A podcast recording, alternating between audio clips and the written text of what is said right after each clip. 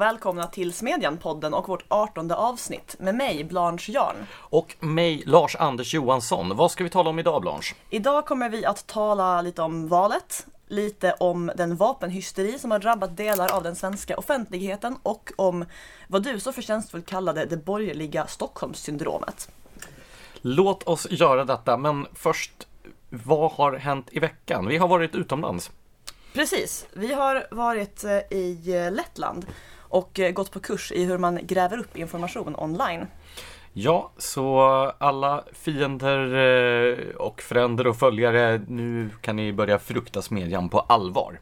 Oh yes, särskilt våra fränder bör ju känna sig riktigt oroliga nu. Eh, nej men det har varit en, en bra resa. Vi hann ju med att besöka Eh, otäcka ställen också i stil med KGB-museet i det gamla KGB-huvudkvarteret i Riga. Ja, det är ju alltid en nyttig påminnelse om att eh, när vårt eget land under eh, då halva 1900-talet berömde sig om att utgöra något slags tredje väg mellan marknadsliberala eh, demokratier och samhällen där man skjuter människor i källaren så gjorde man ju de facto det senare i eh, våra grannländer på andra sidan Östersjön. Och det här gamla KGB högkvarteret som vi besökte med vidhängande fängelsehålor var ju en mycket konkret upplevelse av det vedervärdiga samhällssystem som existerade fram till Sovjetunionens fall. Ja, det var ju riktigt obehagligt att se. Framförallt när vi var nere i de här klaustrofobiska betonggångarna och vår guide berättade att de brukade ha temperaturer på närmare 50 grader där inne och en konstant så här, kritvit superstark belysning. Alltså vilken genuint obehaglig miljö att befinna sig i. Så att fångarna sen när de ställdes inför då erbjudandet att bli skickade till arbetsläger i bortre Sibirien skulle se det som ett bra alternativ till att fortsätta vistas i dessa fängelsehålor. Mm, äntligen lite svalka. Nej, men det, är, det kan aldrig nog påminnas om kommunismens förbrytelser och dess vedervärdiga samhällssystem. För det finns ju en paradox i vårt eget samhälle idag där kommunismen å ena sidan daltas med och gullas med och till och med eh, lyfts fram som lite kitschig och charmig i populärkulturen. Vi hade ju det här debaclet under Pridefestivalen med Rebecca och Fiona som uppträdde med hammaren och skäran och så vidare. Ja, det. det är å ena sidan. Å andra sidan så är ju då kunskap och skildringar av den verkliga kommunismen nästan helt frånvarande.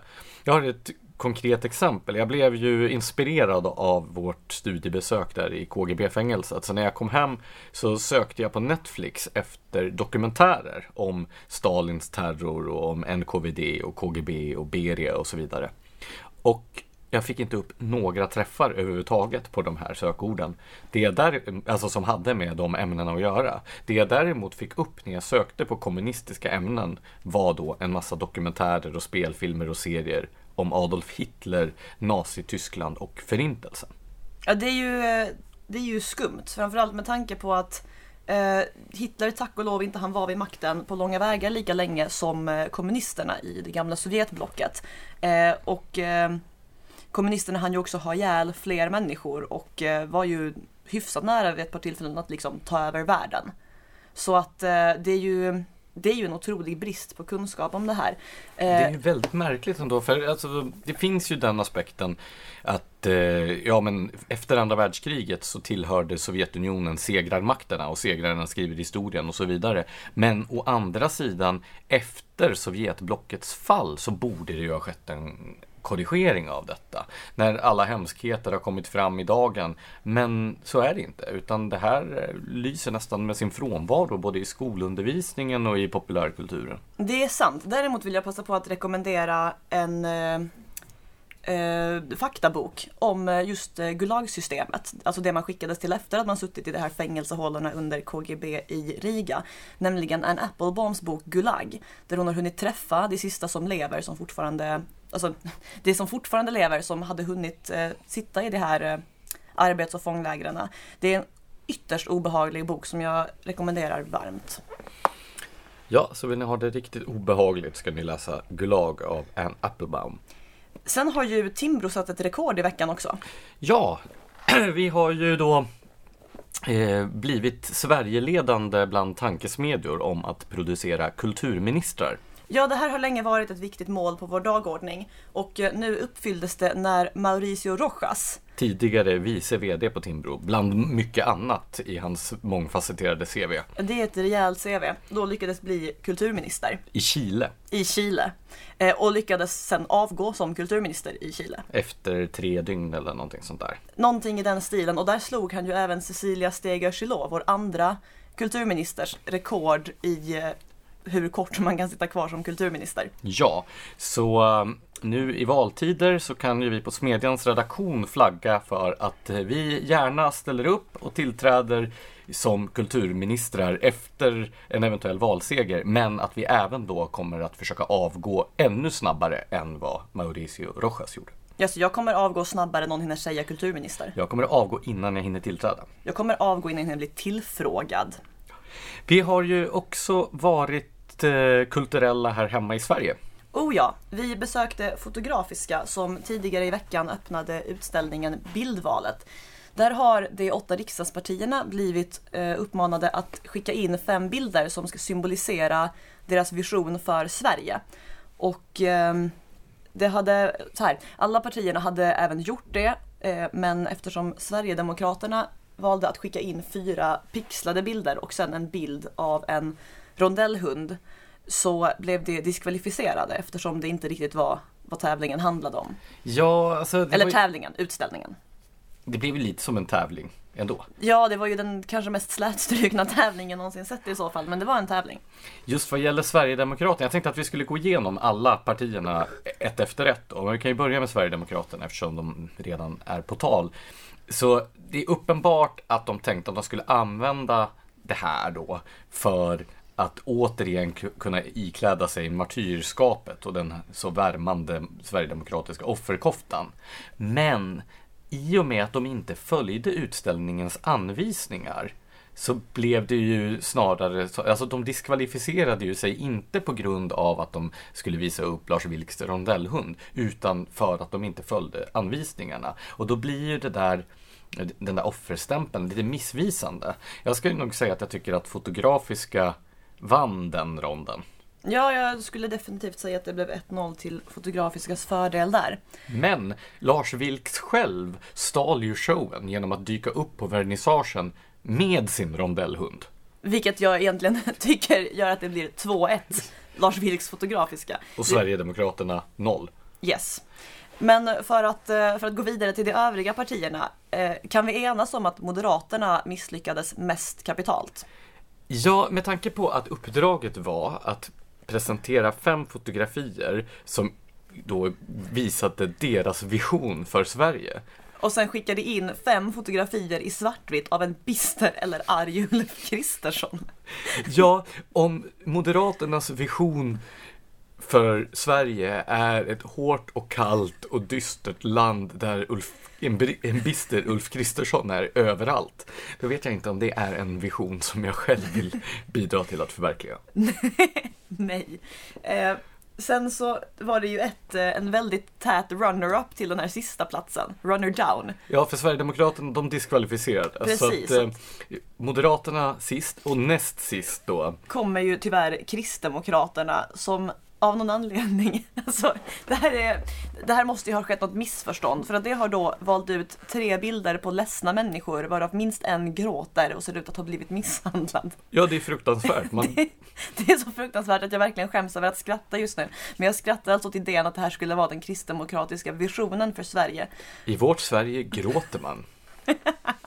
Ja, men som, för att väga upp detta så har de ju också en riktigt kall bild på, på sin partiledare Ebba Busch Thor som ser i det närmaste ut som att hon är gjord i plast.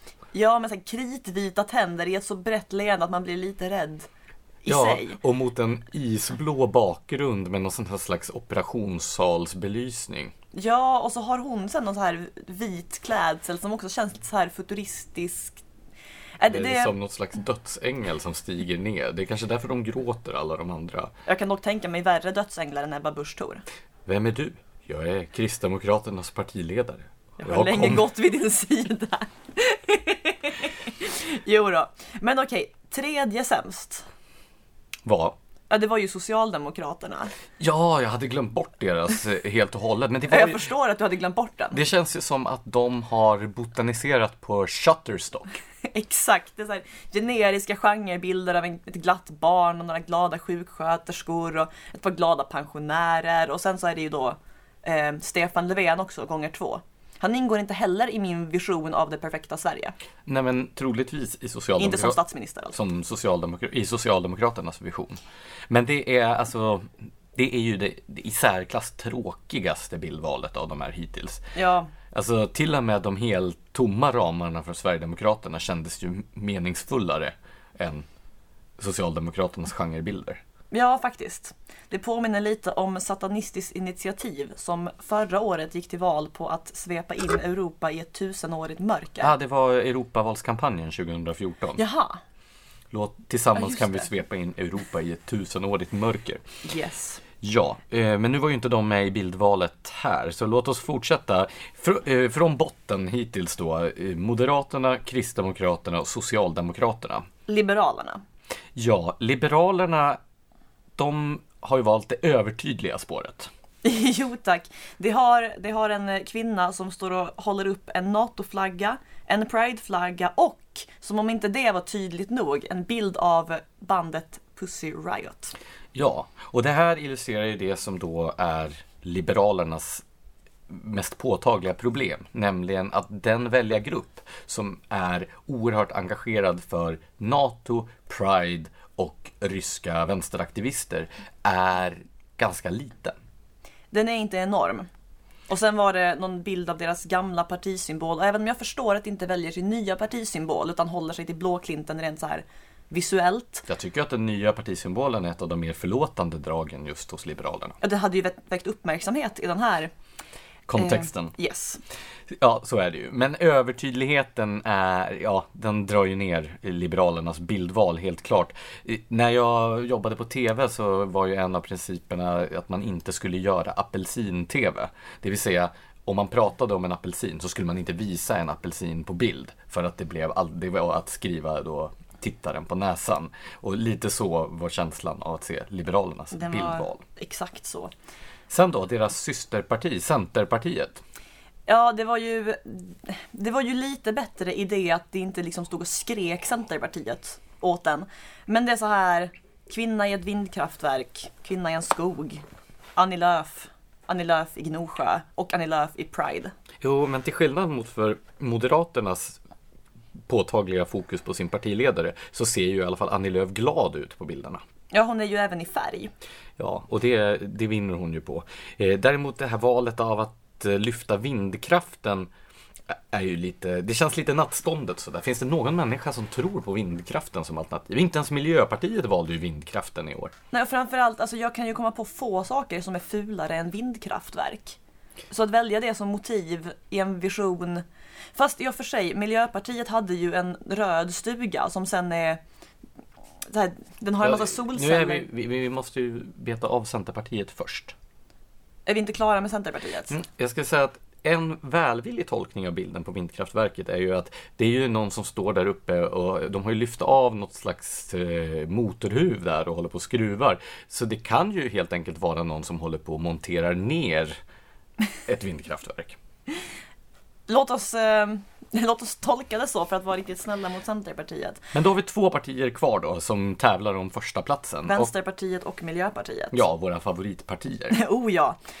Så jag tycker ju att Vänsterpartiet hade lyckats ganska väl, inte minst då att tillmötesgå inramningen på, på fotografiska i och med att deras bilder var ju mer arty än alla de övriga.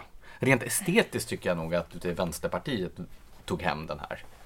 Nej, estetiskt tycker jag att Miljöpartiet tog hem det. Alltså Vänsterpartiet är ju lika generiska i sitt bildval som Socialdemokraterna, det är bara snyggare bilder. Ja, det är det jag menar med att de var estetiska. Jo, men det är ju fortfarande generiska och tråkiga och sen det här att så här, när man har en bild i svartvitt blir jag ju alltid misstänksam för att det är ju ett beprövat knep för att se snyggare ut. Du vet, du gör bilden i svartvitt och så ser du bättre ut. Det är en... Hur skulle Ulf Kristersson ha sett ut i färg menar du? Behöver jag svara? på- Nej, eh, låt oss... Eh, Men eh, Miljöpartiet då, de är ju det parti, tycker jag, som i sitt bildval bäst lyckas med att förmedla faktiskt sin politiska linje. De har en magrande isbjörn på ett krympande isflak till exempel.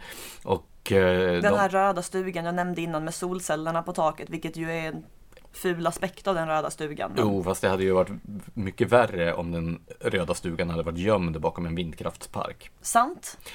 Och eh, sen så, så där är det ju alltså Miljöpartiet känns ju faktiskt häpnadsväckande nog mer i takt med tiden än vad Centerpartiet gör då som väljer att lyfta vindkraften. Det är sant. Sen har det, De hade någon som badar också. det har en kille som hoppar i en sjö. Det har ett stort antal eh, kvinnor med bistra ansiktsuttryck vid ett runt bord. Ja, den drog ju ner lite helhetsintrycket av. Yes, yes det gjorde den.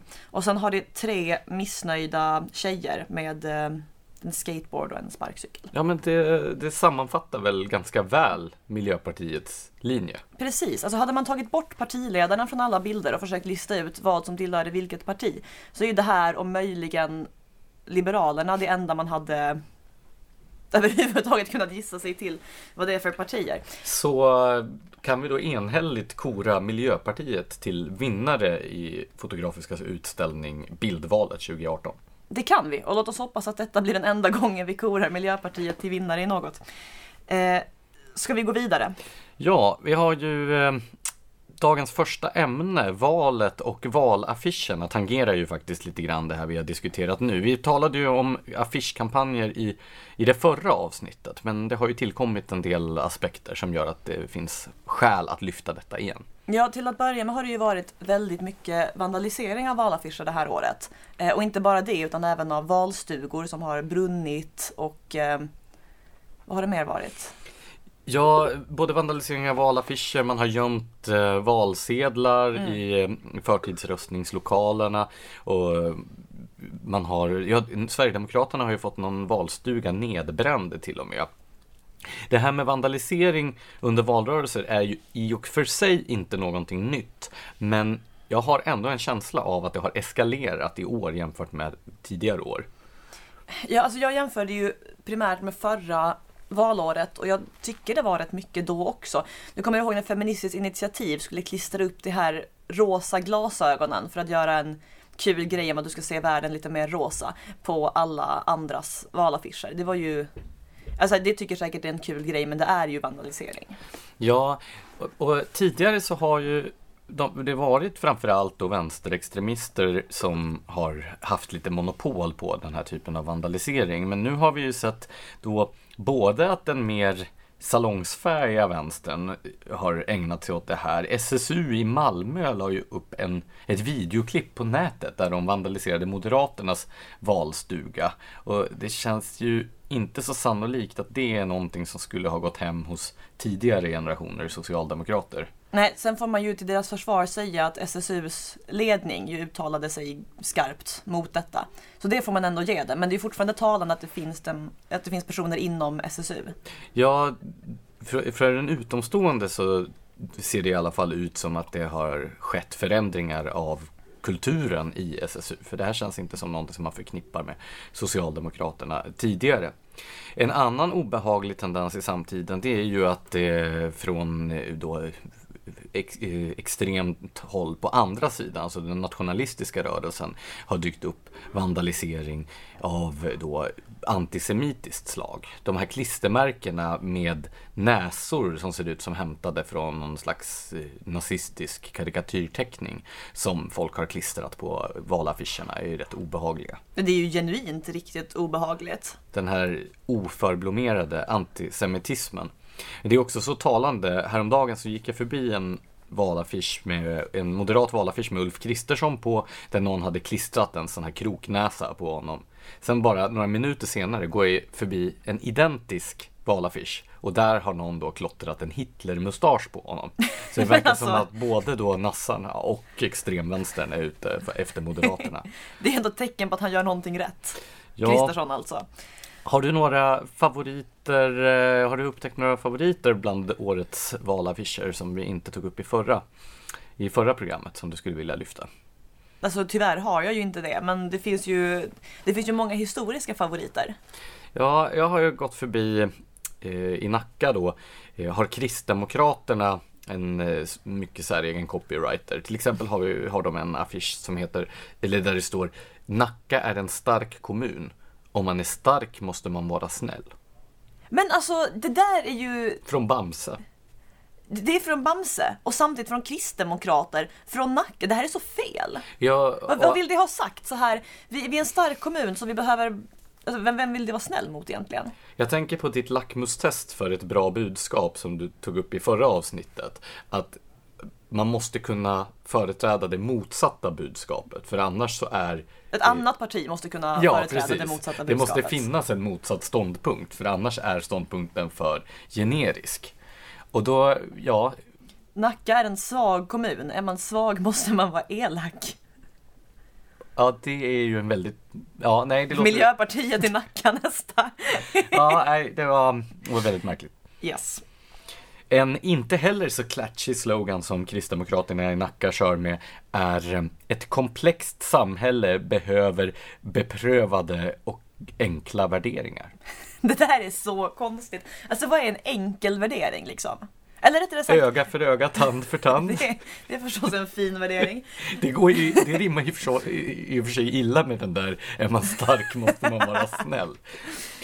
Nästa, till nästa valrörelse ska jag erbjuda mina tjänster till Kristdemokraterna i Nacka. Då kommer vi att få se bibel, bibelord på, på, på affischerna. Kan du avslöja någonting i förväg? Eller Ja men en öga för öga, tand för tand är väl en, en sån som skulle kunna. Jo då. Kör på det. Du skall inga gudar hava jämte mig. Du ska inga partiledare hava jämte Ebba Busch. Eller eh, Paulus gamla favorit. Den som inte vill arbeta skall inte heller äta. Du tycker inte det har lite så här obehagliga konnotationer någonstans? Ja, Lenin lät ju sätta upp den i alla fabriker i Sovjetunionen. Men själva, själva poängen med ett, en stark slogan är ju att den kan fyllas med lite allt möjligt innehåll. Sure. Ja, men det om nästa valrörelse. Du, skulle, du hade några favoriter från historien som du ville lufta. Ja, men jag tycker vi borde lyfta upp några historiska positiva exempel. Till exempelvis copywritern i Nacka och andra personer som är ansvariga för årets valaffischer. Alltså, en av mina favoriter, kosackvalet är ju förstås givet. 1928. En röst på arbetarepartiet är en röst på Moskva. Eller min personliga favorit från samma, samma val. Också högerpartiet. Sveriges kvinnor. En röst på arbetarepartiet är en röst på barnens förvildning, familjebandens upplösning och sedernas förfall. Den du. Ehm, även några år senare hade ju högerpartiet en riktigt eh, visuellt tydlig och till, eller både obehaglig och tilltalande affisch, nämligen eh, en med en röd bläckfisk eh, mot en mörk bakgrund där det på bläckfiskens armar står obehagliga saker som monopol och skattehöjningar och sådana saker och så står det mot röda diktatursträvanden. Det där är ju ett bra och tydligt budskap. Du tycker inte att då Liberalernas mer EU är lika slagkraftigt? Kugga eller plugga. Eh, Socialdemokraterna i mitten på 80-talet hade ju också en valaffisch som illustrerar deras helt oförblommerade fräckhet. Det var ju nämligen bara ett par år efter att man hade gått till val på att införa löntagarfonder, det vill säga att genom en straffbeskattning socialisera i princip hela det svenska näringslivet. Från det så hade man ju då under en hastig tillnyktringsprocess vridit sin ekonomiska politik åt höger. Det var, det var Olof Palme som under sina sista år tillsammans med Kjell-Olof Feldt som var då finansminister la om hela den socialdemokratiska politiken och avreglerade finansmarknaderna. Och då gick man då i nästa val eh, till val med affischer som föreställde en yuppie. Det här var ju yuppie-eran då. Eller finansvalp som man också kallade dem på den Det är ett tiden. fantastiskt ord. Som som sit- sitter där med en valp. Med en valp i en öppen sportbil också i kavaj och slips och solglasögon. Och så har affischen texten Jag röstar på Socialdemokraterna för jag vill ha ordning på Sveriges ekonomi. Det är ju det är så skamlöst att det nästan är snyggt. Ja, den socialdemokratiska skamlösheten är imponerande. Jag erinrar mig också en lite mer samtida men fortfarande kul valaffisch som Miljöpartiet gjorde. som, där det stod någonting i stil med Jag är inte beroende av olja, jag kan sluta när jag vill. Eller? Det är lite kul. Okej, så minen Lars-Anders gör nu indikerar att det här inte alls var kul. Men, eh, men jag tycker den var kul och jag kommer Jag är glad för för din skull Blanche. Tack! Minen Lars-Anders gör nu indikerar att han inte alls är glad för min skull. Ska vi fortsätta till dagens andra ämne? Vapenhysterin. Ja, vad är- innebär vapenhysterin? Det är du som har satt rubriken för ämnesblocket. Så här, låt mig illustrera vapenhysterin med att helt enkelt beskriva vad som hände. Eller vad som har hänt den här senaste veckan. Det började med att Sara Skyttedal, eh, en högt profilerad KDU-politiker i Linköping, Fast framförallt då känd som tidigare KDU-ordförande och personen som dödade decemberöverenskommelsen. kvinnan som krossade decemberöverenskommelsen. Kvinnan som krossade decemberöverenskommelsen. Vilken ärofull titel. Men hur som helst, hon är nu misstänkt för vapenbrott i Danmark. Eftersom hon eh, med en försvarsspray som är laglig här men olaglig där försökte flyga från Kastrup hem. Eh, Men förlåt, du brukar ju alltid framhålla Danmark som ett slags frihetens fyrbåk och så vidare. Hur rimmar det med deras rigida vapenlagstiftning? jag har varit naiv eh, och jag är besviken på Danmark. Alltså man borde ju få ha åtminstone en jäkla försvarsspray med. Alltså, ja.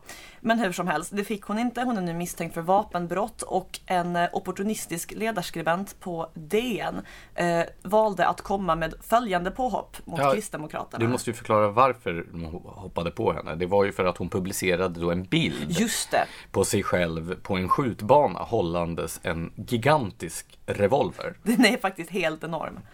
Eh, precis, och så skrev hon någonting i stil med att eh, Danmark behöver jobba på sin second amendment lagstiftning, vilket hon ju onekligen har en poäng i kan man tycka. Eh, så hur som helst, hon lägger upp den här bilden och DNs ledarsida skriver att hade en ung man från en förort publicerat en bild med samma revolver hade det varit oacceptabelt. Ett tecken på hur normer i samhället förfaller. Vad menade hon egentligen? Hon menar ju då att, eh, att Kristdemokraterna hycklar för att det som är okej om Sara Skyttedal gör det skulle vara helt oacceptabelt om då en ung man från en förort gjorde detsamma. Det något slags försök att eh, kleta rasism på Kristdemokraterna då eller? Jag får lite den känslan. Eh, en annan som verkade ha fått den känslan var Hanif Bali. Eh, den moderata riksdagsledamoten som reagerade genom att lägga ut en bild av sig själv med en, eh, ett ännu större vapen eh, på en skjutbana och skriva någonting i stil med Här har ni en ung man från en förort med ett vapen. Ungefär. Och eh, då, då kickade verkligen den här vapenhysterin igång på riktigt. Till storyn hör att den här bilden som Hanif Bali la upp var tagen i, eh, på en skjutbana som låg under en gymnastiksal tillhörande en skola. Och eh, då skriver Jan Björklund, Liberalernas partiledare, det är helt omdömeslöst av en riksdagsledamot att posera i sociala medier med ett automatvapen i en skolbyggnad. Var det ett automatvapen verkligen också? Alltså automatvapen får man vad jag vet knappt överhuvudtaget använda som privatperson. Jag tyckte det såg ut att vara en halvautomat. Ja, om jag har förstått eh, sammanhanget rätt så befann sig eh, Hanif Bali tillsammans med minst en annan riksdagsledamot på ett studiebesök på den här skjutbanan och poserade med hörselkåpor och ett sportskyttegevär. Precis, alltså det finns ju inget mindre omdömeslöst ställe att posera med ett vapen än på en sportskyttebana. Det blir ju inte mer rimligt än att ha vapnet på en skjutbana. Ja. Så vad var det som fick Jan Björklund att gå i taket? Ja, det var ju då att den låg i en skola och som sagt att det finns ett visst mått av vapenhysteri i den svenska offentligheten. Det här underblåstes ju extra mycket när man hittade en det är så här, det, det var några som hade gjort ett fotomontage av Hanif Bali för ungefär en månad sedan. Som Hanif Bali då i sin irritation retweetade. Mjölbypartiet, en slags skämtsida på internet som framförallt tycks driva frågor om snus. Vilket ju är bra och viktiga frågor och så. Men, eh, men i alla fall, de hade då tagit Hanif Balis ansikte och klistrat in den på en affisch till tv-krigsspelet Call of Duty. Och sen hade det som underrubrik satt Hanif and DN at war. Vilket jag då förstår är en anspelning på någon underrubrik eh, Call of Duty har haft. Eh, det här är ju så plågsamt uppenbart att det är ett skämt. Att det är ju helt Alltså det går inte ens att tänka sig att någon skulle kunna se det och inte fatta att det är ett skämt. Men skulle man inte, om man är helt humorbefriad, kunna uppfatta det som att Hanif Bali menar att han de facto ligger i krig med Dagens Nyheter? Alltså så här, jag vill tänka att jag inte är helt humorbefriad och att det därmed finns personer med mindre humor som har någon sorts tolkningsföreträde här. Men nej, jag tror faktiskt inte man kan ha så otroligt låg humornivå att man inte fattar. Alltså, det är Man- ju så uppenbart. Man behöver ju inte tycka att det är roligt för att förstå att det är ett skämt. Nej, precis. Och det är, så om jag uppfattar dig rätt så menar du då att eh, alla de som är upprörda och påstår att den här bilden skulle vara ett underförstått hot och så vidare, att de ljuger medvetet. Ja, alltså jag får faktiskt det intrycket. Alltså när Stefan Löfven, vår statsminister, påstår att Bali genom sitt agerande hotar media. Alltså så här, du är inte statsminister och saknar förmågan att förstå att det var ett skämt. Du kan tycka att det är ett dåligt skämt. Jag tycker det var lite kul, men hur som helst, det var ett skämt och det går inte att missa. Eh, Morgan Johansson kallade hot mot journalister och media. Eh, vad var det mer? Isabella Lövin? Ja, hon skrev ju på Twitter att Hanif Bali mordhotade journalister. Alltså det där är Sveriges så sjukt. vice statsminister skriver alltså detta. Och eh, sen så, även tidningsutgivarna var ju ute. Ja just det, det krävde ju eh, ett möte med Ulf Kristersson, Hanif Balis partiledare, för att prata om hans agerande. Alltså branschorganisationen för media i Sverige. Ja, som ju då borde kunna skilja på vad som är ett skämt och inte. Ja, man skulle verkligen kunna önska det. Sen blev ju det här extra roligt när folk genast började eh, återpublicera bilder på exempelvis Anders Ygeman, Magdalena Andersson, Olof Palme och Ulf Kristersson själv hållande i och poserande med vapen. Och det som blir extra kul här är att Ulf Kristerssons reaktion på Hanif Balis bild var att eh, säga att han inte förstår varför man skulle vilja posera med ett vapen. Vilket han själv då gjorde med ett jaktgevär 2013.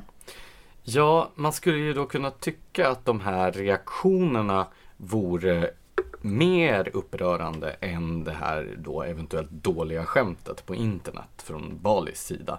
Men eh, stora delar av den borgerliga pressen också har ju ryckt ut och rasat mot Bali och så att säga då gått regeringssidans ärenden i den här totala debatten. Alltså förutom DNs ledarsida så har ju både Expressens ledarsida och Dalarnas Tidningars förment liberala ledarsida varit ute och rasat mot Bali men inte på något sätt nämnt de här överdrivna reaktionerna. Problemet är alltså Mjölbypartiet och inte att ledande politiker anklagar en riksdagsledamots skämtteckning för att vara ett mordhot. Det känns ju balanserat.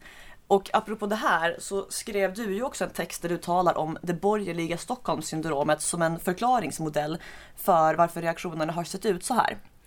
Ja, vi har ju sett en beklaglig tendens på senare år hur borgerliga politiker och opinionsbildare viker ner sig så fort det börjar blåsa kring någon i de egna leden. Det här är ju till exempel inte första gången som just Hanif Bali har varit i blåsväder och fått massa kritik för sin debattstil och sin hårda ton och så vidare. Och eh, då har han ju då, han blev ju utsparkad ur partistyrelsen till exempel på grund av att det kom kritik från, från vänstersidan. Kom- Precis, och det var inte kritik som var tillnärmelsevis lika hård som den som legitimt har riktats mot exempelvis vår egen försvarsminister. Nej, precis. Om man jämför då vad Peter Hultqvist gjort sig skyldig till i den här transportstyrelseskandalen med då anledningen till att eh, Cecilia Stegö Chilò fick avgå som kulturminister så är det ju, det är ju som natt och dag. Man kan absolut ha synpunkter på att hon inte hade betalat in tv-avgiften så som man ska, men det är ju en petitess i sammanhanget. Men hon offrades då eftersom borgerligheten aldrig står upp för det sina. Det är som att man vill ha godkänt hela tiden från vänstersidan. Ja, alltså man skadar ju verkligen ingen. Det går till och med att argumentera för att man gynnar folk genom att undanhålla pengar från public service. Däremot så är det ju faktiskt en, ett allvarligt problem när en minister inte håller på IT-säkerheten. Det är ju extremt allvarligt. Ja, precis. Och det är det här jag beskriver som det det eh, borgerliga Stockholmssyndromet. Jag tror att det var en jurist som heter Carl Lindstrand som först använde begreppet på, på eh, Facebook vid något tillfälle. Men Stockholmssyndromet, det är ju då den psykologiska mekanism som gör att kidnappade personer eller gisslantagna personer börjar identifiera sig med och ta ställning för sina gisslantagare gentemot då till exempel polisen. Så Socialdemokraterna håller alltså de borgerliga partierna gisslan? Ja, Socialdemokraterna har så länge dominerat svensk politik och svenskt samhällsliv att deras måttstock har blivit då den måttstock utifrån vilken även borgerliga politiker och opinionsbildare ska bedömas även långt inne i borgerligheten. Eh, Lars Gustafsson, författaren och poeten, han formulerade på 80-talet begreppet problemformuleringsprivilegiet för att beskriva Socialdemokraternas dominans i svensk, eh, svensk kulturliv och svensk offentlighet. Att den som har problemformuleringsprivilegiet är då den som kan sätta världsbilden, sätta den grundläggande agendan för samhällsdebatten och sen har alla andra att förhålla sig till den världsbilden. Och även om Socialdemokraterna idag har blivit ett parti bland andra och inte alls har samma dominerande ställning så verkar det ändå som att de har kvar sitt problemformuleringsprivilegium. Ja, det här är ju det är bara att jämföra den här affären med till exempel menar, plocka valfri socialdemokratisk minister det har blåst kring, eller för den delen så andra regeringspartier. När Mehmet Kaplan avgick, eh, det var ju han som då käkade middag med eh, fascistgrupperingen Gråvargarna från Turkiet eh, och hade ställt till med lite andra grejer. Det var det här liknelsen med finska vinterkriget, de här sakerna när han avgick så var det efter otroligt lång tids kritik från borgerligheten. Och eh, med orden eh, bilden av Kaplan är ett problem för att han ska göra sitt jobb. Inte Kaplan är ett problem, inte hans agerande är ett problem, utan ni uppfattar honom fel och det är ett problem för oss. Ja, den här klassikern att be om ursäkt utan att be om ursäkt. Ja, den här förlåt för att du blev ledsen. Förlåt för att du uppfattade det här fel.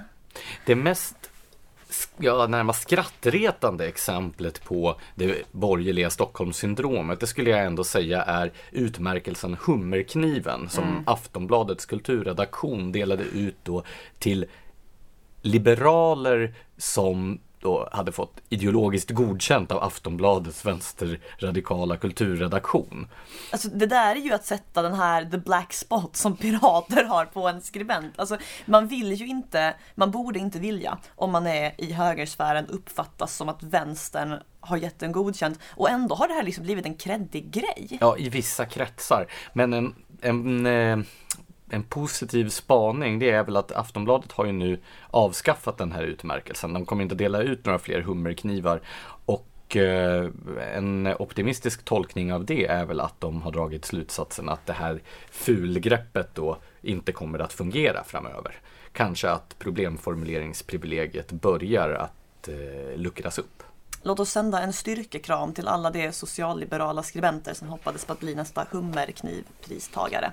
Ja, man kan ju verkligen fråga sig varför Dagens Nyheters ledarsida, Dalarnas Tidningar, Expressen tycker att det är så viktigt att blåsa upp en sån här struntsak och därmed gå regeringssidans ärenden mitt under valrörelsen. Varför är det bland vissa liberaler alltid viktigare att driva en kniv i ryggen på högern än att då agera lojalt till exempel inom alliansen? Alltså en relativt välvillig tolkning skulle ju kunna ha att göra med det här att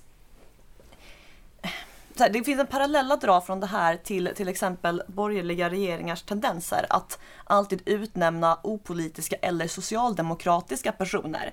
Och det får jag intrycket av att det är någon sorts desperat försök att verka som the bigger person.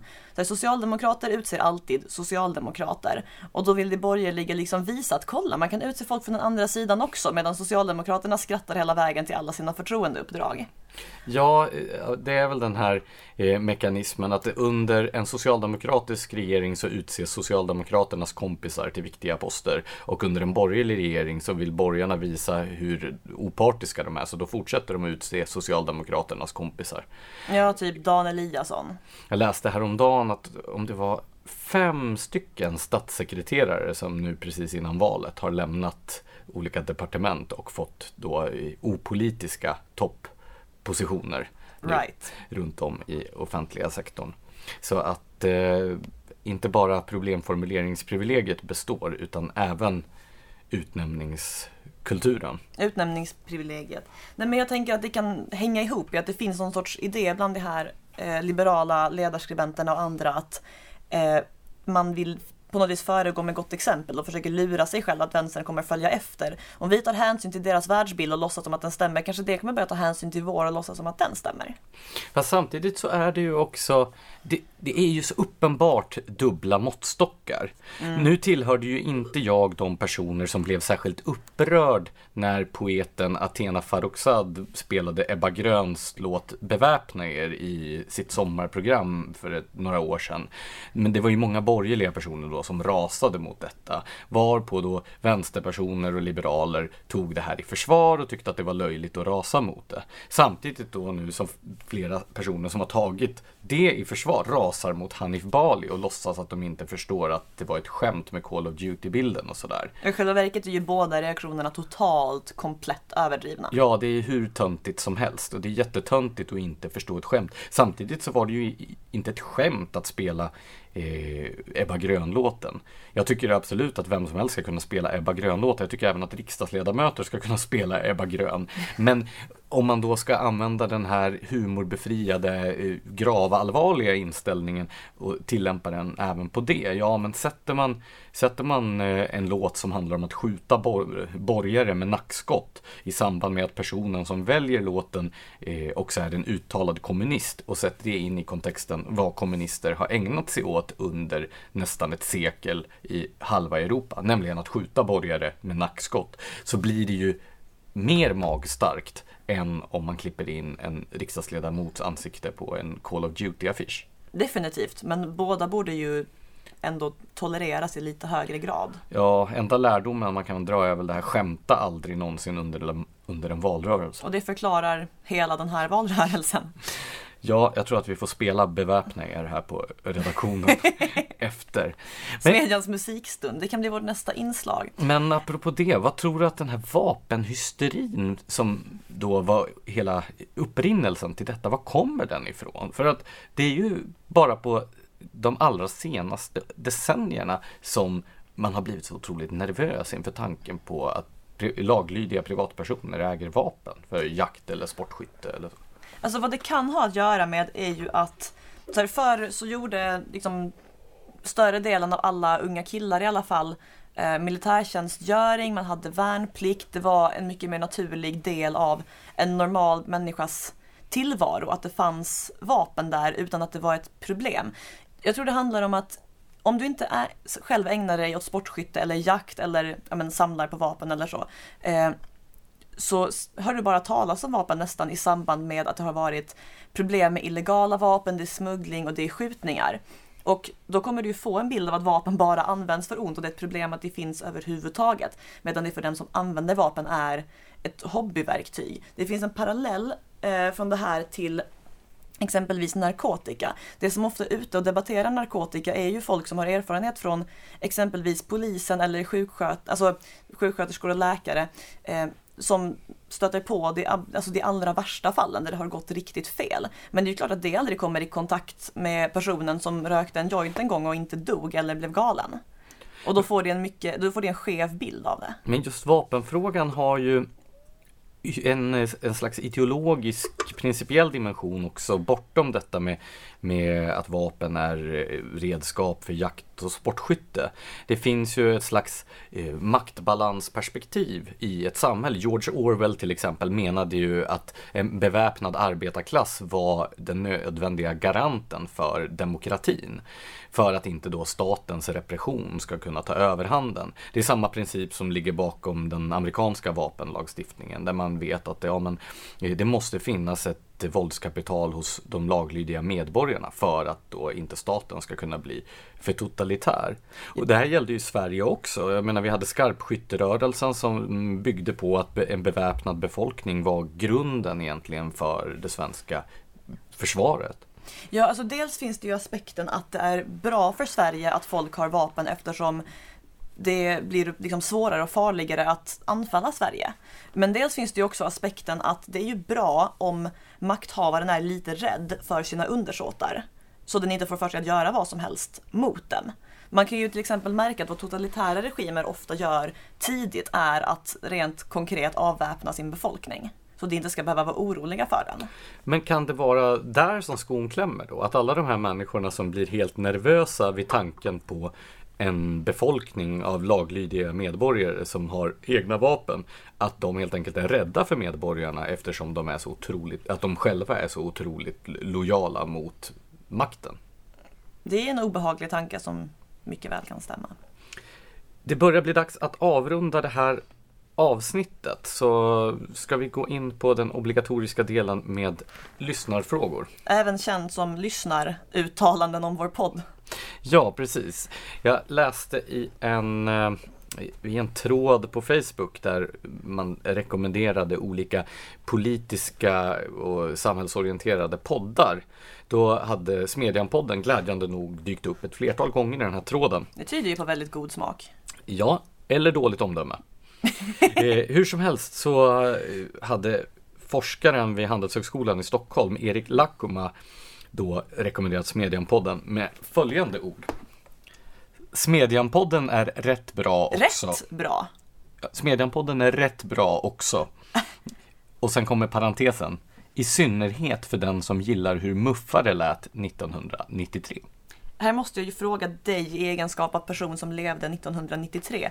Hur lät muffare då? Så nu var jag ju alldeles för ung 1993 för att ha någon aning om hur muffare lät. Men om muffare 1993 lät tillnärmelsevis någonting i stil med hur de ungmoderater som jag träffade på i slutet av 90-talet gjorde så och som ju på ett effektivt sätt vaccinerade mig från allt vad borgerlighet heter för en lång period framöver, så är det nog inte en komplimang. Eh, då väljer jag att tolka det som att det här primärt var riktat mot dig. Eh, när jag då frågade vederbörande så eh, hävdade han att det framförallt var citat Blanche jag syftade på, slutcitat. Happ. Så, och med de orden tackar vi alla er som har lyssnat. Vi är tillbaka igen om en vecka. Ha det bra!